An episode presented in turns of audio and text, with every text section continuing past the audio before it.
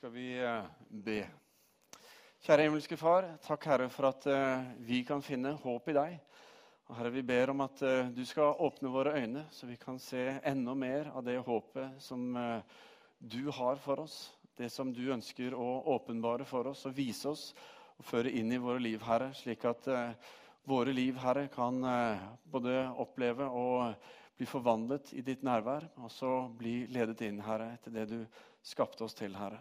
Takk, Herre, for at du har satt oss i eh, Stavanger, eller i de byene, stedene vi representerer, vi som er her i formiddag.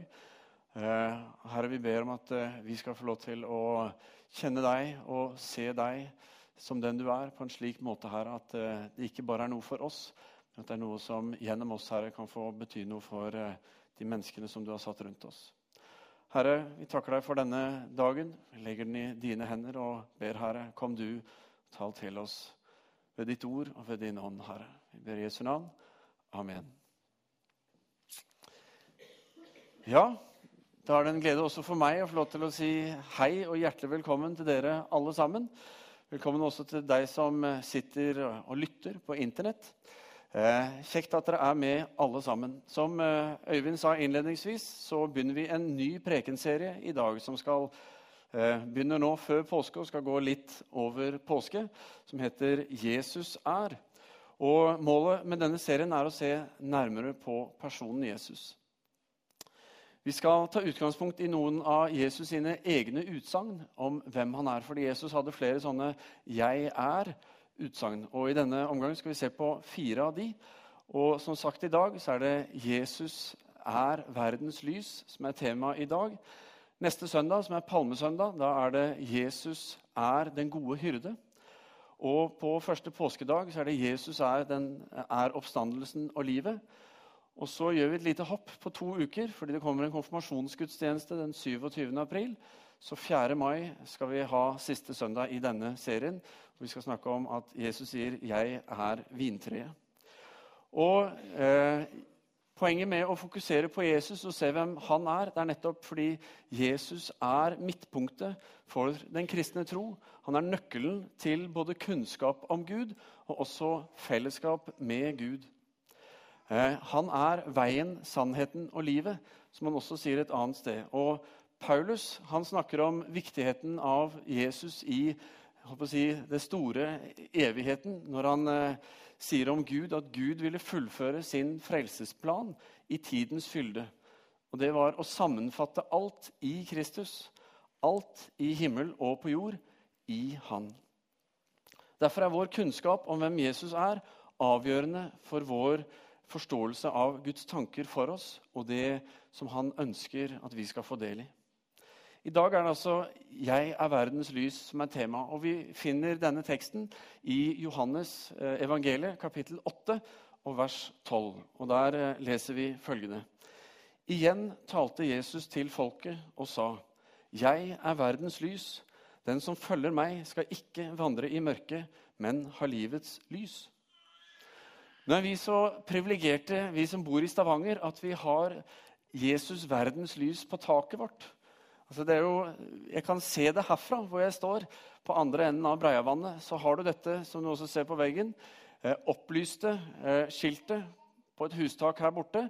Og dette vitner noe om eh, hvem Jesus har fått være i denne byen for mange mennesker. Som fikk noen til å sette opp dette skiltet.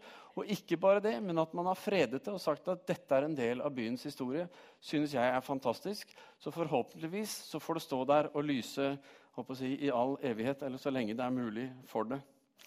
Eh, men hva betyr det egentlig? Altså, Stavanger ser dette, men hva betyr det?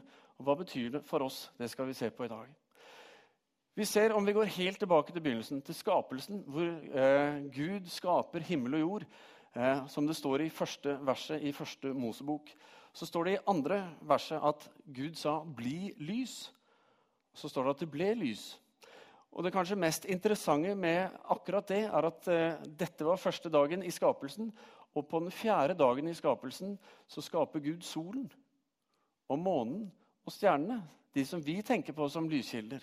Så med andre ord så må vi se for oss et lys som er eh, si, enda mer enn det vi tenker på gjennom solen osv. Så, videre. Så Guds første tanke det er et lys som er enda mer voldsomt enn det solen er, om du forstår. Eh, og at det er noe som var tenkt for både verden og for oss, for deg og meg. Og Poenget med lyset er at lyset det fjerner mørket. Lyset er det som gir liv til alle ting. Lyset er det som åpenbarer, som synliggjør eh, for oss. Det er lyset som gjør at vi kan lære, som gjør at vi kan forstå, som gjør at vi kan få del i. Og alt dette eh, ønsker Gud for oss. Så når vi tenker på lyset, så tenker vi på lyset som noe som er godt. Mørket på den andre siden eh, er noe som ikke så mange tenker på. og det var veldig godt med litt mørke nå, annet enn kanskje hvis du legger deg og skal sove og trenger mørke for å gjøre det. Men jeg vet ikke hvor mange av dere som eh, enten nå i dag eller en eller annen gang i livet, kanskje som barn, kjente på dette som det å være mørkeredd. Ikke sant? En trives ikke i mørket.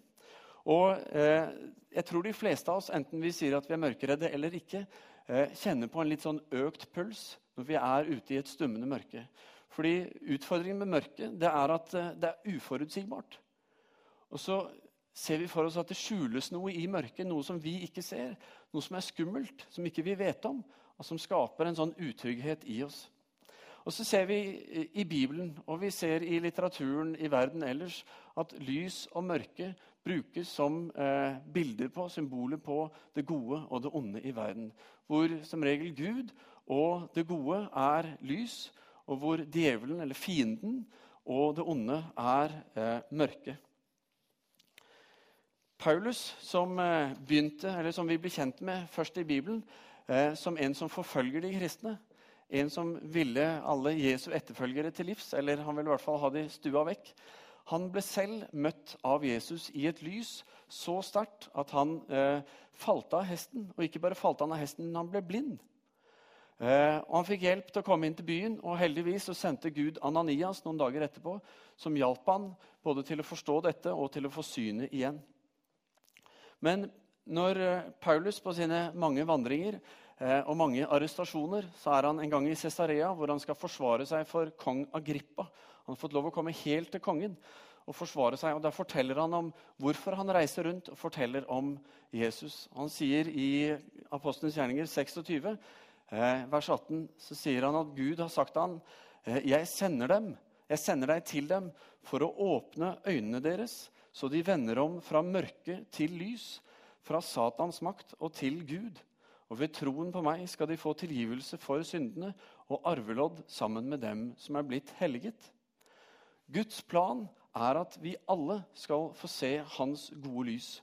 Det lyset som ikke skjuler noe, men som åpenbarer sannheten om oss.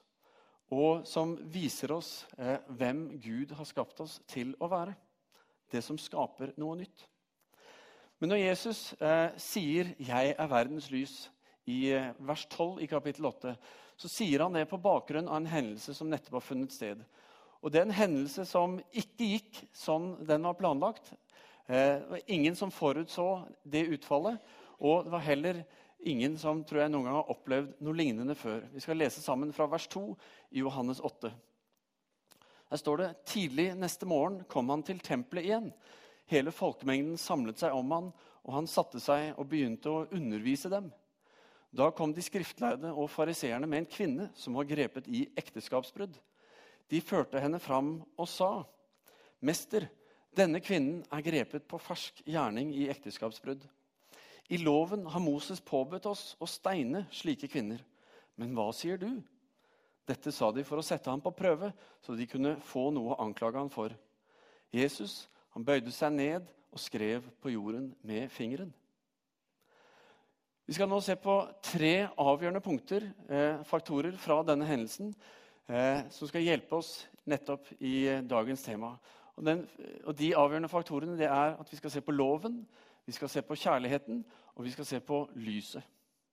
Og Vi ser på loven fordi det loven gjør, det er at den synliggjør vår skyld. Vi har her en scene av en kvinne som er tatt på fersk gjerning. Og så kan man tenke ja, hvordan klarte de å ta henne på fersk gjerning? Og jeg eh, tenker at antagelig er dette en litt sånn rigga scene. Her har de ordna med mannen, for han ble jo aldri satt på tiltalebenken. Han er like skyldig som henne i dette. Men de har rigga en scene, tenker jeg, fordi de skal sette en felle for Jesus. Så eh, de klarer å komme inn her og ta henne på fersk gjerning. Og jeg ser også for meg denne kvinnen som ikke helt har rukket å kle på seg. Ser liksom ikke sånn ordentlig ut som damer gjerne liker å gjøre når de er ute i offentligheten. Eh, og Det er med på å understreke skylden hennes, det at hun er tatt på fersk gjerning. Og så er det også med å bare gjøre ydmykelsen av henne komplett. Men dette var først og fremst en felle for Jesus. Jeg tror ganske sikkert så visste de fra før at denne kvinnen eh, levde det livet hun gjorde. Og sikkert om han mannen også at han hadde sine tilbøyeligheter. Men det var Jesus de var på jakt etter. Og Poenget var at Jesus han hadde tilgitt synd. Og I loven så står det at det er bare Gud som kan tilgi synd. Så de tenkte at ok, han her Jesus han må vi få tatt. For han kan ikke gå rundt og holde på sånn. De mente han var en bedrager og var virkelig på jakt etter å avsløre det. Og De tenkte at ok, nå kommer vi med en klar sak. Og hvis Jesus sier at hun ikke skal steines, ikke da er jo han en lovbryter. For det står jo svart på hvitt at hun skal steines. Det har Moses bestemt. Det sier loven. Og Skulle han finne på å si at hun, ikke, eh, nei, at hun skal steines, ja, da forsvinner jo hele imaget hans. Altså, da er han jo ikke den der tilgivende, gode, kjærlige mannen som er fra Gud, og som og Så, videre. så de tenkte nå skal vi avsløre han.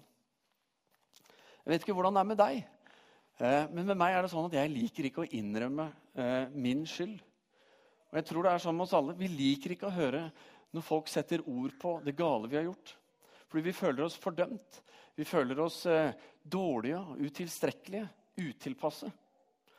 Her på årsmøtet som vi hadde nå i mars, så, eh, i andakten min, så satte jeg ord på eh, og gjorde et poeng av statistikken vår for 2013. For denne menigheten i 2013. Og jeg viste til det at Statistikken viser at i det året så var det ikke én eneste en som vi kan dokumentere eh, ga sitt liv til Jesus, sa ja til han, kom til tro på han. Eh, og det er jo eh, ganske vesentlig for oss som menighet. Altså, det er det viktigste et menneske kan gjøre. Det er det beste som kan skje et menneske. Enten det er en som er her inne, eller hvor som helst i verden. Og det er det som er hovedgrunn nummer én for oss til å eksistere som menighet. Det er å lede mennesker til tro på Jesus Kristus. Fordi det står mellom liv og død, snakker Bibelen om. Nå kom, har flere kommet til meg i etterkant og eh, påpekt at eh, ja, men det skjer jo så mye annet bra. La oss fokusere på det også. Og ja visst, det skjer mye bra. Jeg er helt enig på det. Eh, det er en god ting som er på gang i Misjonskirken, og det er jeg veldig glad for. Men det forandrer ikke det faktum at statistikken vår avslører noe av sannheten om oss. Viser at her har vi en vesentlig mangel. Og det er jo det synden gjør. Den avslører noe hos oss som vi ikke liker. Har du noen gang løyet? Ja, du har det. Har du noen gang eh, stjålet noe? Ja, du har det. Har du noen gang eh, fordømt noen i tanker, ord eller handling? Ja, du har det. Har du noen gang latt deg lede i sjalusi? Antagelig. Har du Og sånn kan vi holde på ganske lenge. For saken er nemlig den at vi er syndere.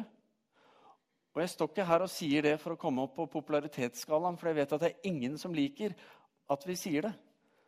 Med mindre, eller Det er ikke noe kjekt å høre at vi er det. Og Jeg sier ikke dette for å nå skal vi ha en kosestund, ikke sant? Men jeg sier det fordi det er sant, og det er viktig å si det.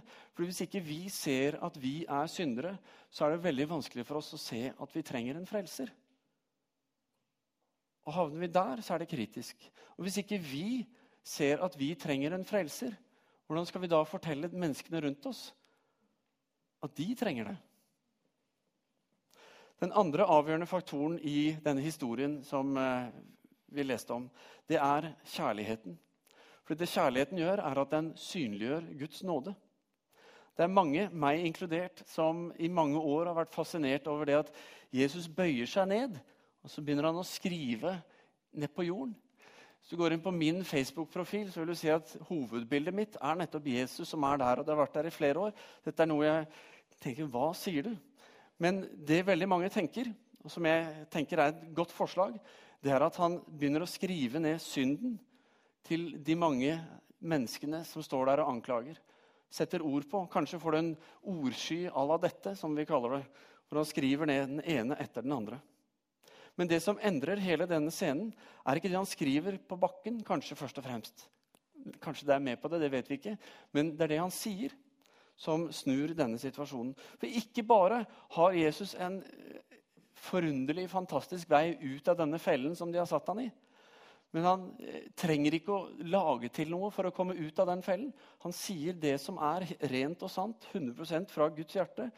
Det er, Han setter ord på den kjærligheten som synliggjør nettopp Guds nåde inn i denne settingen, og som gjør det inn i våre liv.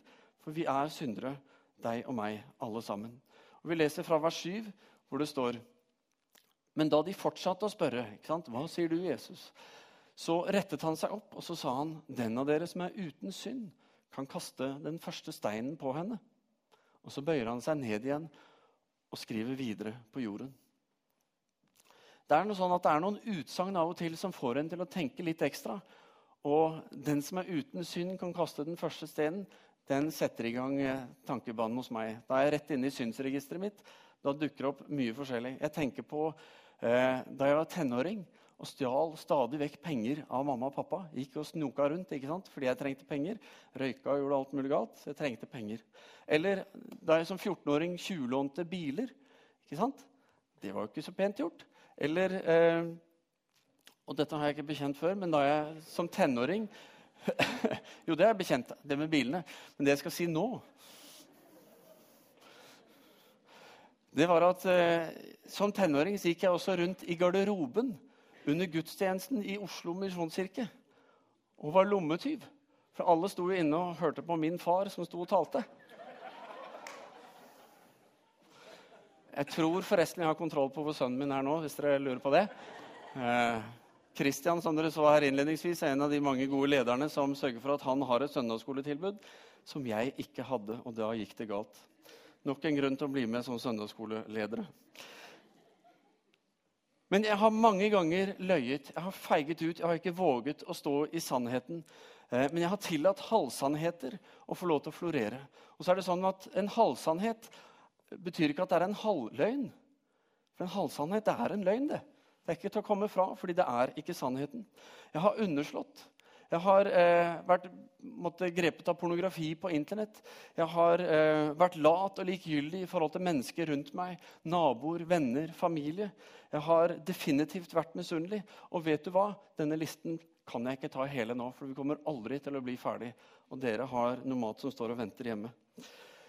Selv om det sikkert har vært spennende å høre hele den lista. Men jeg tror vi stopper der. Men poenget er at eh, jeg tror vi alle kjenner oss igjen i det å ha en sånn liste. Enten det er lenge siden eller det skjedde nå rett på vei til kirka. Men det som er så finurlig, det er at det er så mye lettere for oss å se andres synd enn å se vår egen. Det er så lettere å angripe andre, akkurat som de gjør her i denne eh, fortellingen. Og hvis vi leser videre i vers 9, så står det da de hørte dette, gikk de bort én etter én de eldste først. Til slutt var Jesus alene igjen, og kvinnen sto foran ham. De eldste først. Det er jo interessant. Nå er ikke jeg en gammel mann, men jeg er ca. halvveis i snittet mitt. holdt jeg på å si, Eller mulighetene i, for en mann i 2000 og etter-antallet. Eh, og min erfaring er at jo eldre jeg blir, eh, jo mer nåde får jeg i forhold til synd. Fordi jeg ser at jeg er en synder. Og når jeg måtte stå i møte med andres synd, så er det lettere for meg å møte dem med nåde. For jeg ser at den nåden de trenger, den trenger jeg òg. Jeg kjenner meg igjen i andres synd. Vi trenger alle Guds kjærlighet og nåde. Og Det leder oss over til den tredje avgjørende faktoren, som er lyset. For det lyset gjør, det er at det synliggjør vårt håp. Og håp er noe vi trenger. Lyset viser oss at ting er ikke sånn vi tror det er. Lyset viser oss den egentlige sannheten, slik livet var ment å være, slik Gud skapte det, for at vi skulle få lov til å leve det og ta del i det. Det er sånn at det er mange mennesker i vår tid eh, og kanskje mange av oss her inne som opplever mørke i livet. og Kanskje noen ganger så blir det mørket så tungt at det overskygger og dreper livet. Men for de fleste av oss i den vanlige, travle hverdagen så representerer mørket tror jeg, blindsoner i livet vårt. At det er rett og slett ting vi ikke ser, som gjør at vi ikke heller forstår sammenhengen på ting. Eh, og så blir vi sittende med en masse halvsannheter som ikke er sannheten, men som blir en løgn i livet vårt. Og vi tror, og jeg tenker altså, Ikke at jeg går og sier det til meg selv, men det er lett å gå og tenke at jeg er egentlig en ganske ålreit fyr. Jeg har jo ikke noe synd i livet mitt. Det er ikke mye galt med meg. Men hvorfor kan jeg stå her og tenke det? Jo, det er fordi jeg har blindsoner i livet mitt som gjør at jeg ikke ser hele sannheten. Som ikke får meg til å se at oh, jeg er en synder, jeg trenger din nåde, Gud. Eller på den andre siden, eh, som kanskje like mange kjenner på, det at vi ikke kjenner at vi er gode nok. At vi ikke strekker til, at vi ikke er verdifulle. Det handler også om mørket som har skapt blindsoner som hindrer oss i å se sannheten om hvem vi er. Så alene med denne kvinnen så spør Jesus, 'Kvinne, hvor er De? Har ingen fordømt deg?' Hun svarte, 'Nei, Herre, ingen.' Da sa Jesus, 'Heller ikke jeg fordømmer deg. Gå bort og synd ikke mer fra nå av.' I Jesus så er vi ikke den andre sier at vi er. I Jesus så er vi heller ikke den vi sier om oss selv at vi er. I Jesus så er vi uten fordømmelse. Vi er uten fordømmelse for de gale tingene som vi har gjort. For den skylden som vi kjenner på. Og vi er uten fordømmelse for den skammen som vi kjenner fordi vi er den vi er. Paulus sier så er det ingen fordømmelse for den som er i Jesus Kristus. Og det er nettopp det Jesus viser oss her. Jesu liv, død og oppstandelse gir det lyset som loven aldri kunne gi. Og Hvis vi ser i Hebrebrevet kapittel 10 og vers 1, så står det der at loven inneholder bare en skygge av det gode som skulle komme. Ikke det sanne bildet av tingene. Og Problemet med loven var at eh, selv om loven skulle vise oss hvordan vi skulle leve rett for å leve sammen med Gud, så ble, forsvant lovens intensjon og ble omsatt til krav. Og i kravet så forsvinner håpet, så loven ble rett ut sagt håpløs å følge. Men ved Guds kjærlighet og nåde så kommer håpet fram i det lyset som Jesus er. Fordi gjennom Jesu døde oppstandelse, gjennom påsken, som vi nå skal inn og feire, så kommer lyset til oss og som gir oss nettopp det sanne bildet av hvordan tingene skulle være. Fordi Gud tillater ikke, han fjerner mørket når han får lov til å skinne i våre liv. Derfor leser vi videre i vers 23 i samme kapittel i Hebrevbrevet. Så, så sier han da eh, La oss holde urokkelig fast ved bekjennelsen av håpet. For han som ga løftet, er trofast. Og det løftet det er jo nettopp det at det Jesus gjorde for oss, det står fast til evig tid. Det er godt nok. Og det er der, og vi skal få lov å ta det imot.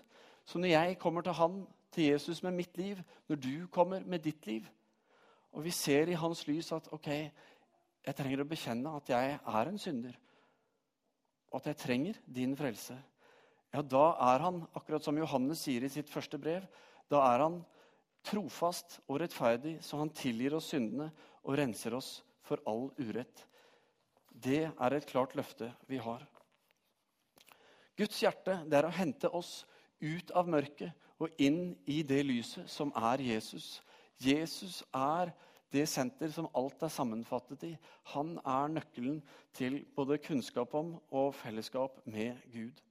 Og Det fine med lyset er at mørket aldri kan vinne over det. Om du samler alt mørket som fins i hele verden, så er det som Kjersti sa Det kan ikke slokke selv det minste lys. Å si ja til Jesus, det er å bekjenne at vi trenger hans lys. Å si ja til Jesus og følge han, det er å bygge sin identitet i den sannheten som han ønsker at vi skal få del i. Den sannheten som vi er skapt til å leve i. Hvor vi er verdifulle, hvor vi er fulle av gaver og evner, hvor vi kan få lov til å bety noe for ikke bare én annen, men for mange mennesker.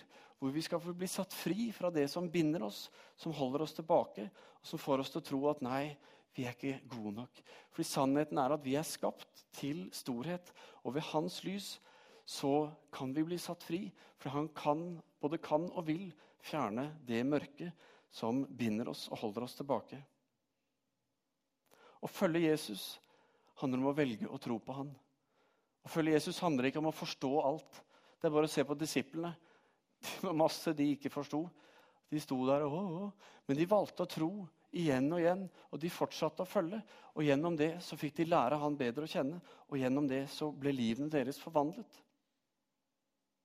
Men å velge å tro på Jesus er både å ville og å velge å tro selv når vi ikke alltid forstår. Fordi vi ser at i Jesus så er det noe som er så fantastisk mye større og bedre enn det vi finner noe som helst annet sted. Fordi Jesus er verdens lys. Han er det lyset som forløser håpet. Det håpet som forløser troen, og den troen som forløser livet. Jeg er verdens lys. Den som følger meg, skal ikke vandre i mørket, men ha livets lys, skal vi be. Kjære himmelske Far, vi takker og priser deg, Herre, for at eh, det er du som kommer til oss. Det er du som kommer med ditt liv. Er du som legger ned ditt liv for vår skyld, for at vi skal få lov til å komme til deg og ta imot. Og få lov til å eh, bli satt inn i ditt lys, inn i din sannhet. Få lov til å se eh, oss selv fra ditt perspektiv, som elsket, som eh, underlagt din nåde som uten fordømmelse får lov til å leve for deg midt i en verden med masse utfordringer og vanskeligheter.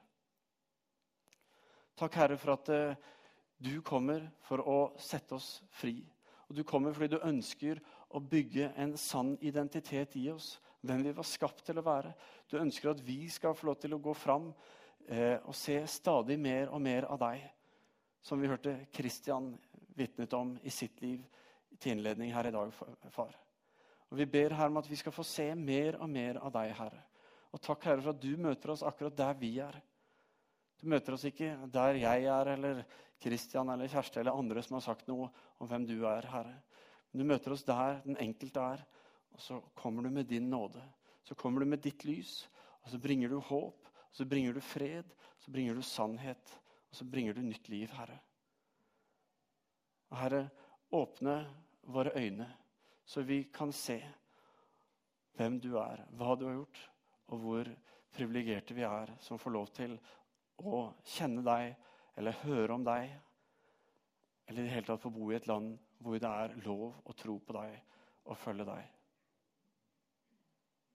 Vi priser deg, far, og takker deg i Jesu navn.